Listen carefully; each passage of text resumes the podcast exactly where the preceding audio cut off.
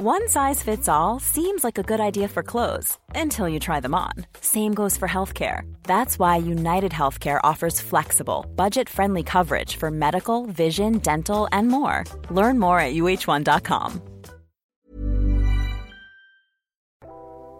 Du lyssnar på Kärleksförsäkringen med Alex och Lisa. En podd som handlar om relationer och ekonomisk jämlikhet. Vi kommer att diskutera och debattera tillsammans med spännande gäster om hur familj, karriär, relationer och ekonomi ska samspela. Hur kan man bli mer jämlika som föräldrar? Vad är nyckeln till ett framgångsrikt förhållande? Och är det möjligt som kvinna att have it all? Under resans gång kommer vi tillsammans med våra experter att få tips och kloka råd hur man hanterar ekonomiska frågor i en relation. Med mig sitter Alexandra. Hallå, hallå. Och jag heter Lisa. Nu kör vi!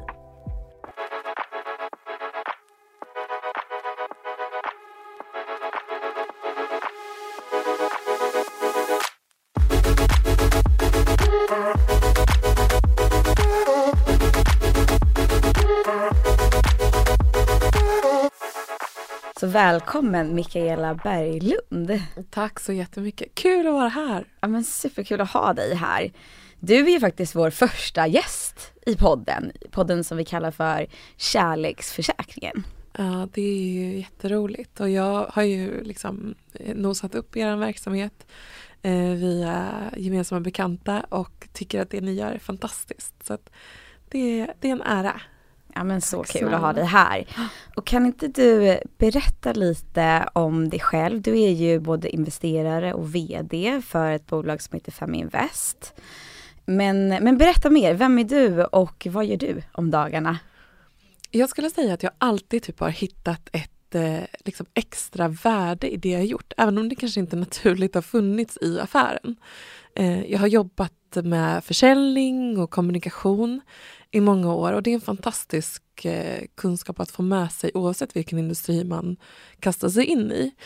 Eh, så det är jag jätteglad för. Men jag har också alltid typ hittat en så här, jag bidrar till en bättre värld på något sätt. Eh, och typ har svårt att faktiskt motivera mig om jag inte har det. Då blir, mm. det, mm. ba, då blir det lite monotont och lite mm. liksom, för långt bort ifrån. Så jag tror att jag är en ganska värdestyrd person utifrån mina, mina tankar om hur världen kan bli bättre och att jag hela tiden vill bidra till att eh, liksom trycka på knappar för att säkerställa att men kan vi inte förändra någonting? Om vi, och det är framför allt kvinnors ekonomi och ägande som är, som är eh, den gemensamma nämnaren som vi har eh, men som också som jag drivs av.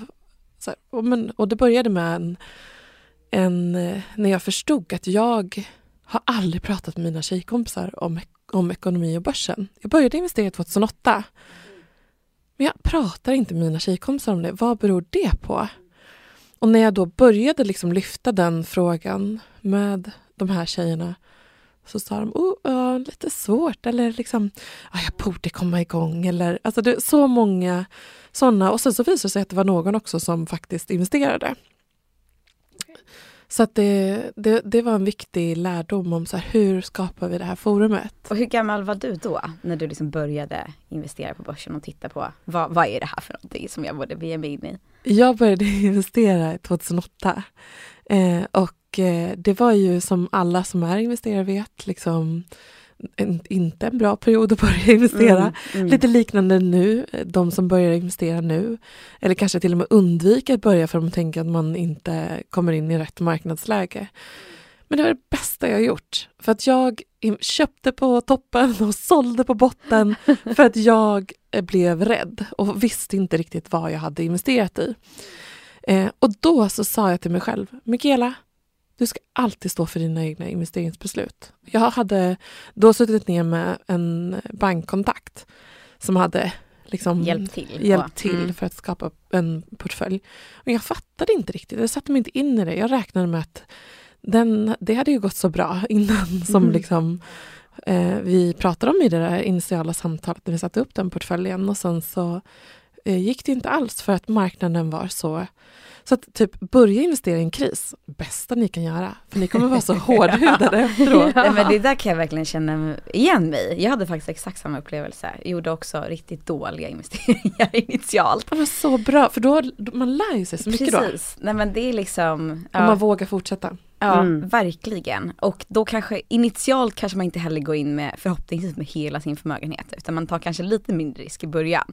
Så även om det är surt att det, det försvann så, så var det ju på något sätt över tiden kände jag att det var som du sa, det var ju verkligen värt det. För att så mycket snabbare kommer man upp på banan igen.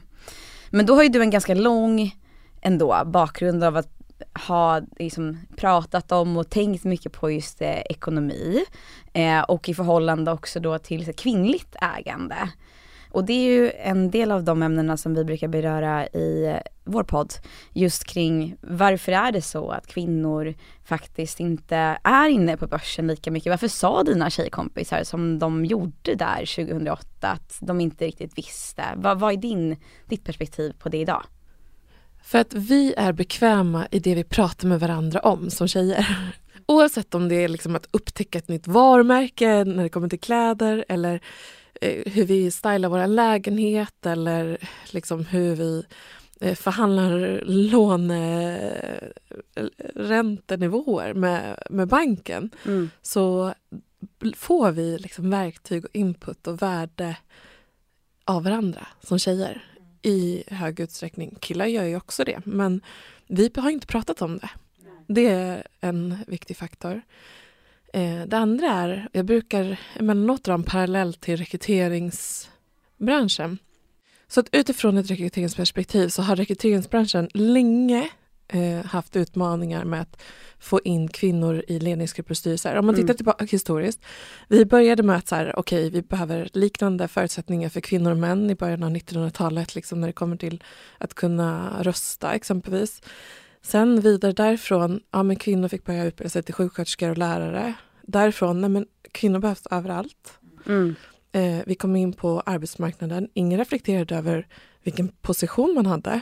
Mm. Eh, men sen 90 millennieskiftet börjar vi prata om kvinnor i lednings... Vadå, det måste finnas liksom incitament för kvinnor att också göra karriär. Vi bidrar ju. Vi såg liksom hur BNP accelererade, den här hockeysticken man brukar prata om WC, det var ju BNP-tillväxt eh, för att kvinnor kom in på arbetsmarknaden eh, på 60-70-talet. Och nu så blir det ju, nästa steg är ju liksom ägandet, men vi har inte pratat om det eh, innan. Och det har, jag tror att det har mycket att göra med tabu, om att inte prata så mycket om pengar. Man är rädd för att prata om att man har för mycket pengar. Eh, man är också rädd för att dela med sig om man har för lite av det. Ja. Mm. Det kan ju nästan bli som en form av skam kanske eller någonting som man också skäms över. Det upplever jag. För att det finns ju också en form av samhällsnorm det kanske inte gäller för liksom hela samhället men delar av samhället i alla fall att man, man ska ju ta hand om sin ekonomi och man ska ju förvalta sina pengar och de flesta vet i vuxen ålder att gör man ingenting med pengarna så förlorar de ju i värde. Så att ha dem inne på ett sparkonto är ju inte bästa lösningen. Men, men vad är då en, en lösning som jag känner mig trygg med? För där har man ju också sett att där resonerar ju kvinnor och män olika i vilken typ av risk man vill, man vill ta. Men jag skulle vilja säga så här, och jag förstår att vi inte har tagit samma risk. Jag säger inte att kvinnor och män är lika när det kommer till risktagande.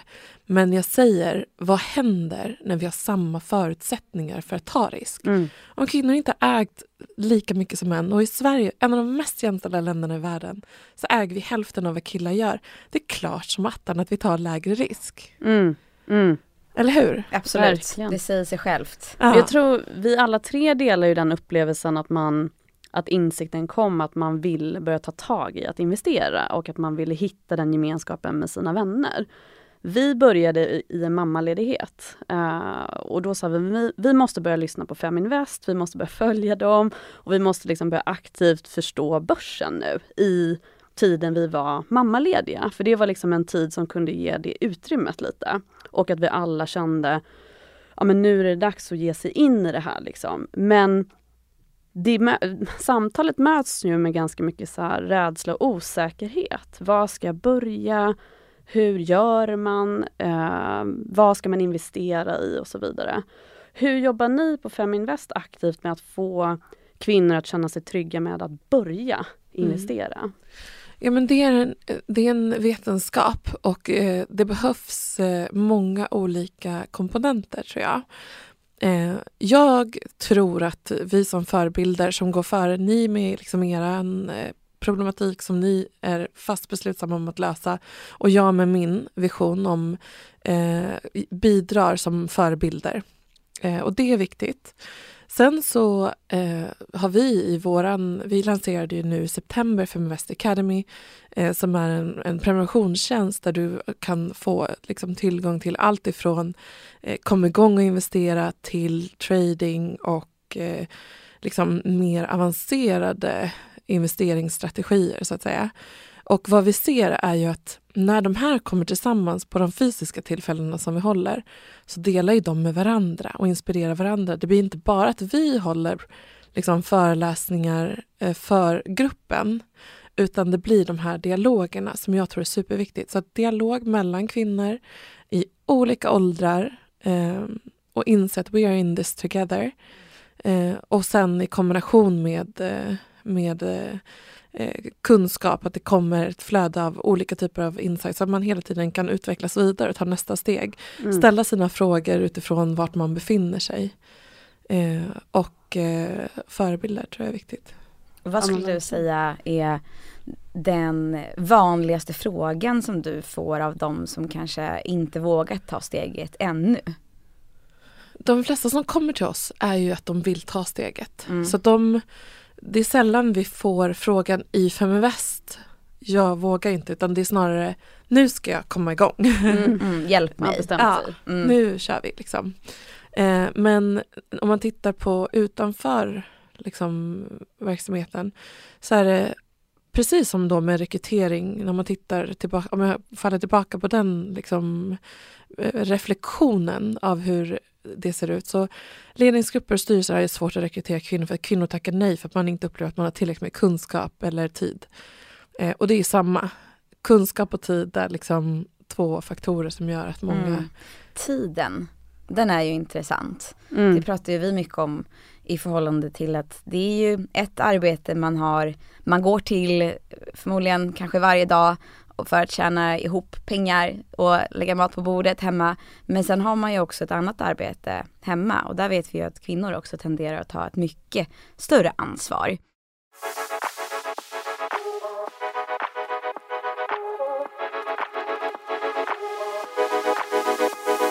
Men vad tycker du har varit en utmaning att bli mamma och att också driva bolag? Jag eh, startade mitt första bolag i Sverige när jag var gravid med mitt första barn. Jag startade ett annat projekt som jag sen inte utvecklade liksom, till ett bolag under min andra mammaledighet. Um, jag tror att jag är en sån person, precis som du lyfter själv också. Så här, nu är det här tid för att ta tag i ekonomi och fundera på vad det här är. När du var mammaledig. Mm. Det finns ganska mycket data på att kvinnor startar bolag i hög utsträckning när man är mammaledig just. Mm. Vad, vad intressant ändå. I, vad, vad, vad, tror ni, jag som inte har barn själv då, vad tror ni att det här beror på? Jag tror att man till en början har lite, lite tid mm. för sig själv och fundera på vad man vill göra med livet och mm. också faktiskt att det perspektivet att du får ett barn eh, skapar nya tankar om vad du ger vidare. Eller liksom, mm. eh, Ett större så ansvar. Ja, verkligen. ska göra ja. den här världen bättre för nu har jag en person att ge den världen till lite. Exakt. Ja, du, du går ju in i en livsomställning som blir ditt allt. Och då liksom det perspektivet kommer ju in på mycket sen då. Och just att så här, tiden blir en bristvara. Mm. Och då vill jag lägga tiden på, på rätt saker. Så det omvärderar man ju ganska mycket när man, eh, när man blir mamma tycker jag. Att, eh, att hitta det fokuset som känns rätt. Mm. Och har den diskussionen i er relation, har det alltid varit eh, liksom en, en diskussion som har varit självklar och, och enkel att reda ut eller har ni haft utmaningar i att i att hitta den balansen som passar för just er, där ni är i livet, vilket ju kan vara olika under barn 1, 2 och 3 såklart men det, jag tror att det finns en underliggande liksom hos mång, majoriteten män att man inte känner samma ansvar för föräldraledigheten med den kulturen som samhället Mm. har Mm. Eh, liksom bringat fram. Och den kan jag också känna av, Mm. alltså i liksom, samtal och så. Eh, men eh, samtidigt så, och jag kan också känna av att jag i högre utsträckning vill Mm. Ta, vara hemma och ta vara på liksom än, än vad han är. Jag tänkte bara på eh, liksom nu i, han berättade i, var det i början av september till sin chef att han var gravid. Eller att jag var gravid. Att ni var gravida. att vi var gravida. Ja. Men alltså hur sjukt är inte det? Ja, att, Att- man kan gå så länge. Att man kan gå så länge. Alltså jag Ja. har gått med kula länge. Liksom.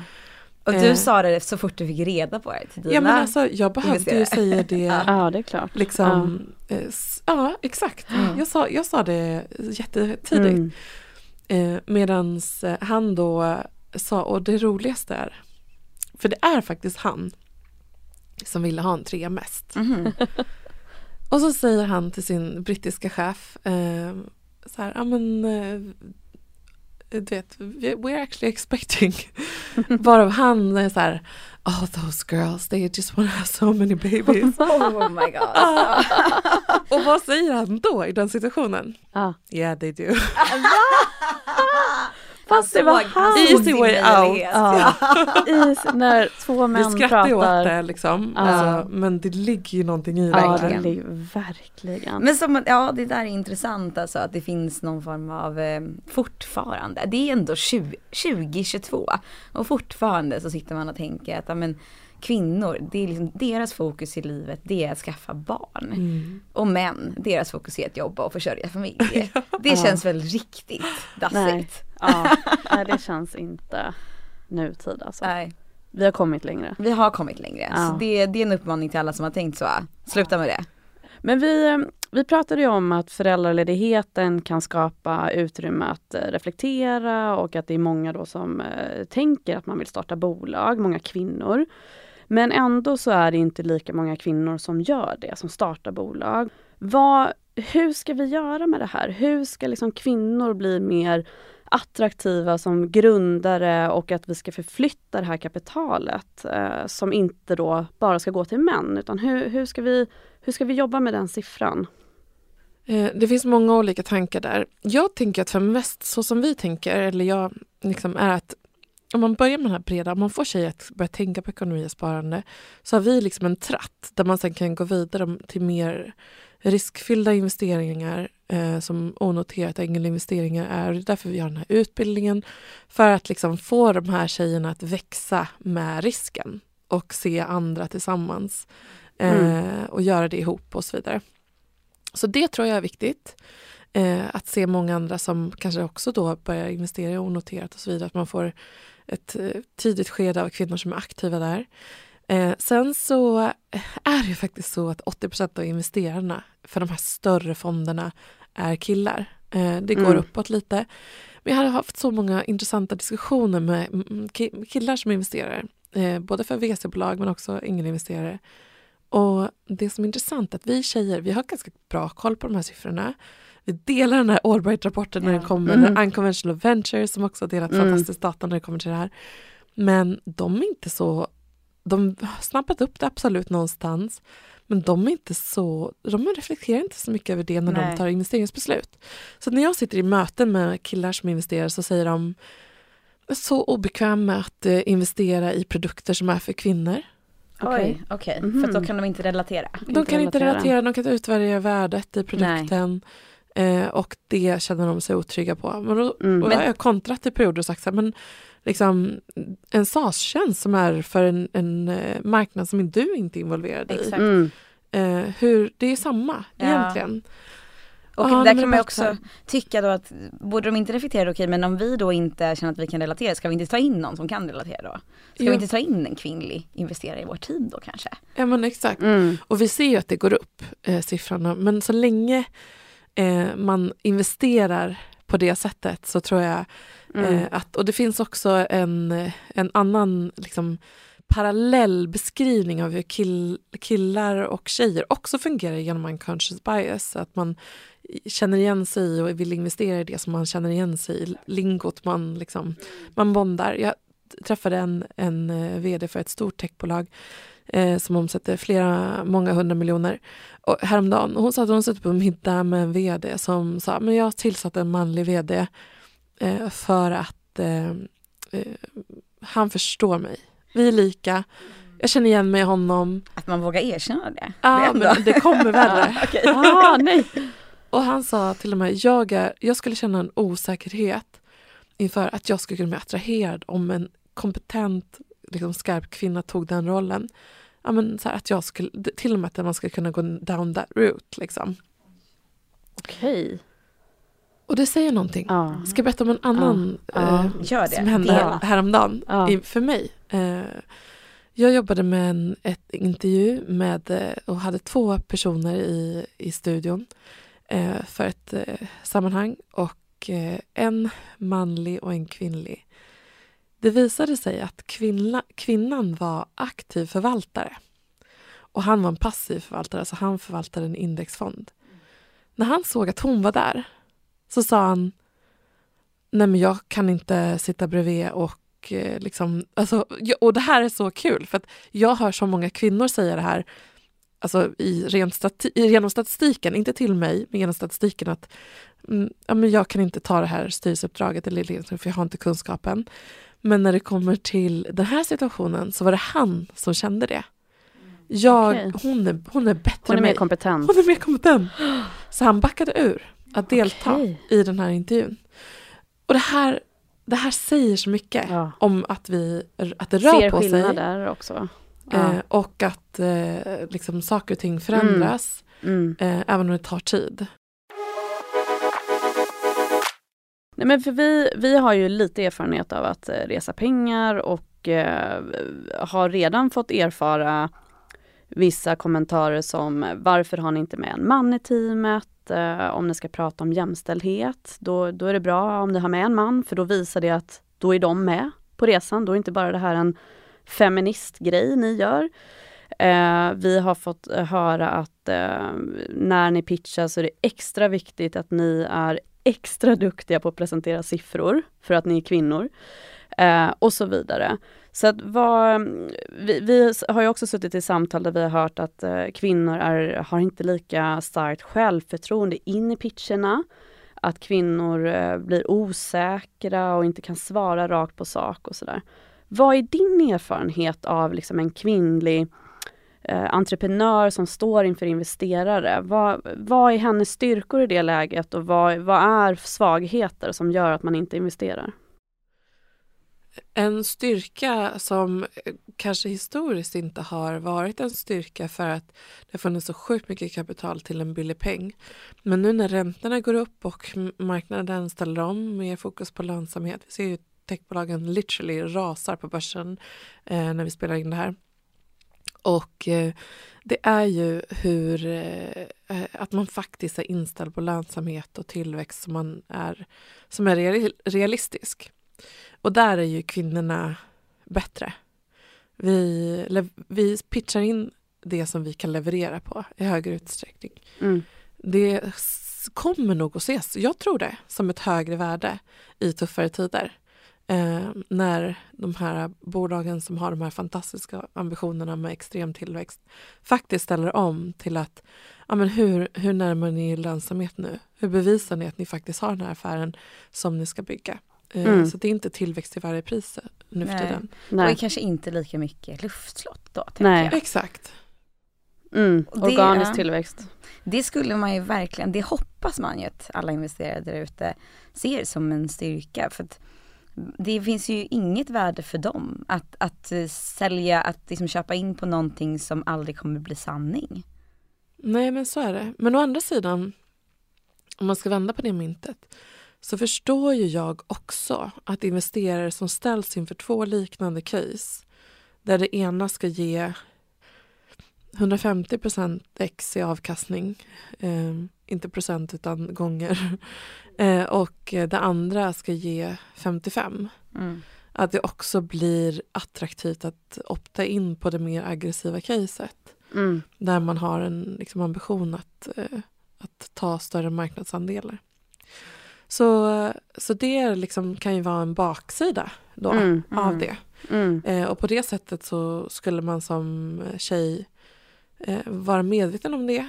Eh, investerarna bör också vara medvetna om det och kanske till och med liksom, vad, är det, vad, vad, vad kan man jobba med för att skapa den här tillväxten. Eh, det kanske kan vara värt att faktiskt ha en entreprenör som faktiskt vill leverera i högre utsträckning på det de kommunicerar eh, och bara höja eh, lyfta blicken eller titta på hur man kan liksom bygga vidare på den affären. Mm. Mm. Sen så, eh, så tror jag också att eh, det finns en risk och jag tycker det är viktigt att lyfta det också att kvinnor faller ner i den här offerrollen. Eh, för att man har 0,5 procent av kapitalet Mm. år efter år, alltså det sjunker till och med. Mm. Eh, och det kommer ju en del till oss också som, ja men vad är mina möjligheter? Mm. Jag är kvinna. Liksom. Ja. Exakt. Ja. Eh, och det, det måste vi faktiskt lä- lägga till sidan. Mm. Eh, för annars så förändrar vi inte den siffran. Nej. Ja, men precis, när vi har fått eh, den frågan då, varför har ni inte en man i teamet? Då har vi sagt, för att det är vi som är teamet. Det är vi som är grundarna. Och det är storyn och det är därför vi står här. Så att liksom, att man, man måste ju börja skilja på det utifrån liksom, vil, vilka står framför mig och vilken kompetens har de? Men eh, vad skulle du vilja eh, ge för råd inför unga och eh, ja, entreprenörer på väg som ska bygga sina bolag och ska resa pengar. Hur ska de tänka inför sin pitch? Vad är liksom dina tre bästa råd där? Ja, men var förberedd. Eh, faktiskt eh, testa pitchen på liksom, investerare som du inte pitchar mot utan mer liksom, öva på dialogen och se, se ditt bolag genom deras glasögon. Ehm, håll så mycket av ditt ägande kvar i Mm. verksamheten. Ge inte bort ditt ägande för tidigt. Eh, för det finns faktiskt en sån tendens eh, hos eh, kvinnor likaså. Så att eh, säkerställa att du har ett stort ägande, liksom, speciellt i de första viktiga eh, finansieringsrundorna. Eh, Och vad, vad är ett stort ägande skulle du säga procentuellt? Jag skulle säga så här, det är väldigt få investerare som investerar i bolag i liksom syd A-runda där om det är entreprenör, de operativa äger mindre än 50 procent. Alltså det typ händer inte. Eh, så att eh, Mm. det är en, en eh, siffra. Ja, Mm. men det, Ja, det är bra. bra. Bra att ha något att förhålla sig till. Och tips nummer tre? Eh, och det sista, alltså var förberedd. Mm. kan din marknad, kan din affärsidé, dina metrics och eh, var dig själv liksom i Mm. det. Eh, en så här trygg person som pitchar ett tydligt budskap. Eh, Så här också ska jag säga, många fastnar i marknadsföring. Mhm. Alltså typ, ja men vi har den här produkten och vi ska nå ut genom det här på det här sättet och vi gör det här samarbetet. Men affären är ju det viktigaste. Mm. Hur ska ni Mm. tjäna pengar och när gör ni det och varför? Mm. Eh, så att eh, det där fluffiga behövs inte i så stor utsträckning. Även om det kan, det kan kännas som att man bygger upp en affär i ett pitch-tillfälle eh, tillfälle, så är det faktiskt, eh, det är faktiskt de faktiska siffrorna som investerar. De väntar bara på det. Ja. Jag har till och med varit i, liksom, eh, i pitch-sammanhang där jag har pitchat eh, för investerare. De har sagt så här, "Ja, men skip the marketing. Oh wow. Ja. Och det kanske blir ännu mer så givet de tiderna vi befinner oss i. Ja. Nu är det ännu viktigare att din affär håller. Att den kan växa oavsett om du har en gigantisk marknadsbudget eller en ganska begränsad.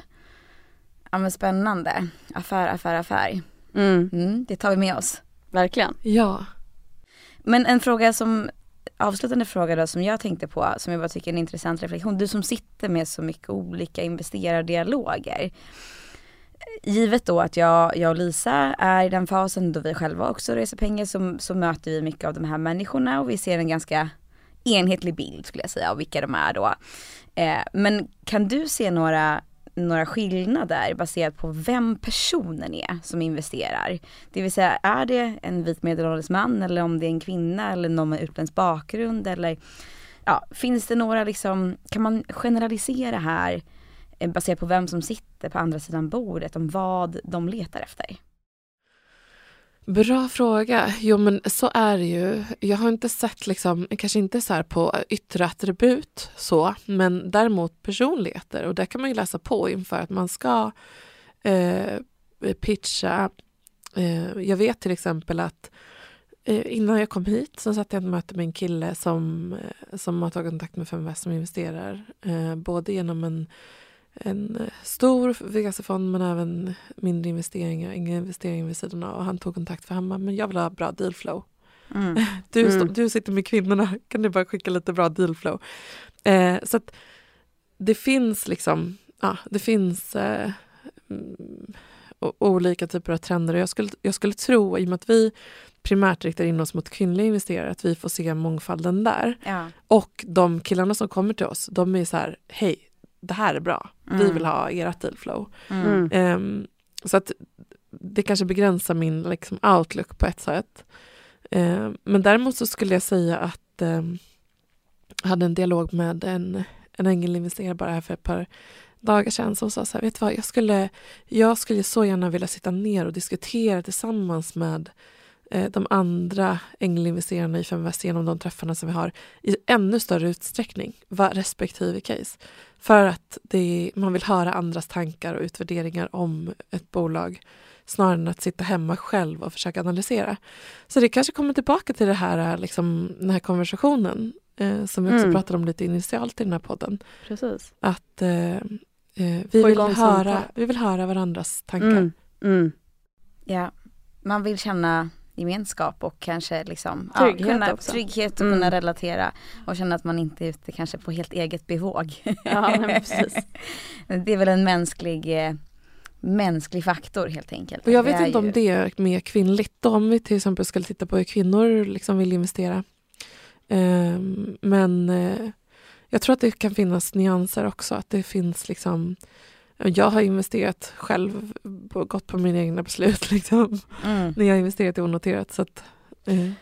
Känner du igen samma med, med kvinnliga investerare, att de vill investera i någon som de känner igen sig i? Alltså går det åt det hållet också? Man säger ju ofta så här, men jag, jag investerar i dig som entreprenör och att då kanske fallet är liksom att män vill investera i någon som de känner igen sig i.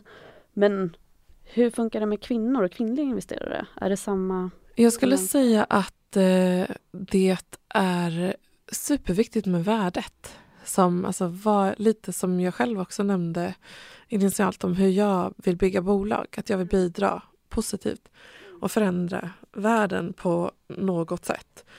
Eh, och där så har kvinnliga investerare en mycket, i mycket högre utsträckning, det är något de letar efter i de entreprenörer de investerar för de vill bidra med kapital till en bättre värld. Mm. Eh, mm. Eh, och det, det tror jag är ett utmärkande, liksom, snarare än att man känner igen sig i investerare, mm. utan man ser att det här är värderingar som jag verkligen, verkligen tror på och vill vara med på, utöver affären.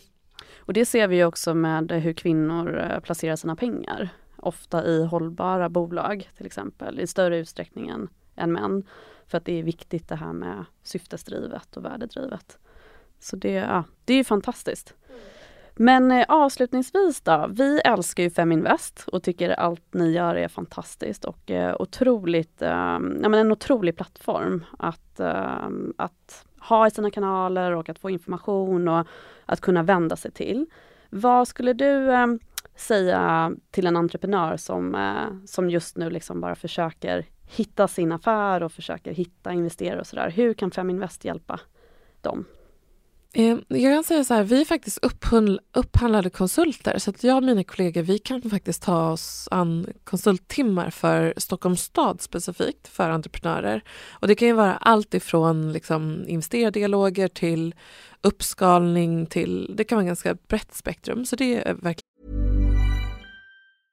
Hey, it's Paige DeSorbo from Giggly Squad. High quality fashion without the price tag. Say hello to Quince. I'm snagging high-end essentials like cozy cashmere sweaters, sleek leather jackets, fine jewelry, and so much more. With Quince being 50 to 80% less than similar brands. And they partner with factories that prioritize safe, ethical, and responsible manufacturing. I love that. Luxury quality within reach. Go to quince.com slash style to get free shipping and 365 day returns on your next order. Quince.com slash style. ett konkret sätt. Man kan alltid skicka in liksom sina eh, pitchdecks eller så till oss.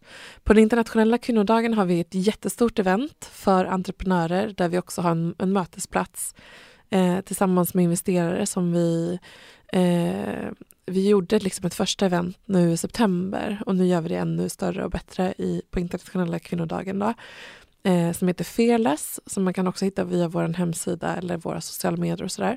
Och det, eh, det är ett perfekt tillfälle för där kommer vi ha en så founders lounge där man som entreprenör, om du är kvinnlig entreprenör eller liksom kvinnligt majoritetsägt bolag säger vi, så kan du komma dit och visa upp om det är en roll-up eller om det är en produkt eller om det är liksom, eh, som vi då på ett lätt sätt kan få investerare att eh, komma igenom den här loungen och titta på allt som finns och se, fastna vid det som man tycker är relevant och intressant. Gud vad bra! Eller hur? Ja, ja, kan vi få komma? Ja, såklart. Ja, det vill vi gärna. Ja, det passar jättebra för er också, ja. där ni befinner er. Så det är på liksom, ja. eh, så det tycker jag absolut är ett, ett värde. Eh, för då får man där också en peppande agenda för entreprenörer i kombination med att man faktiskt får möjlighet att träffa investerare. Superbra. Så bra. Tack snälla Mikaela för att du ville komma till Kärleksförsäkringen och podda med oss. Ja men tack och, tack för så mycket kärlek till er. Ja men kärlek till dig.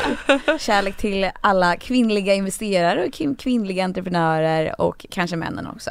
Som stöttar de kvinnliga ja, det måste entreprenörerna Absolut. och investerarna. Och relationerna, männen som ställer upp där hemma. Precis. Stort lycka till med nummer tre. Tack. Ha det så bra. Hej. Hej. Hej.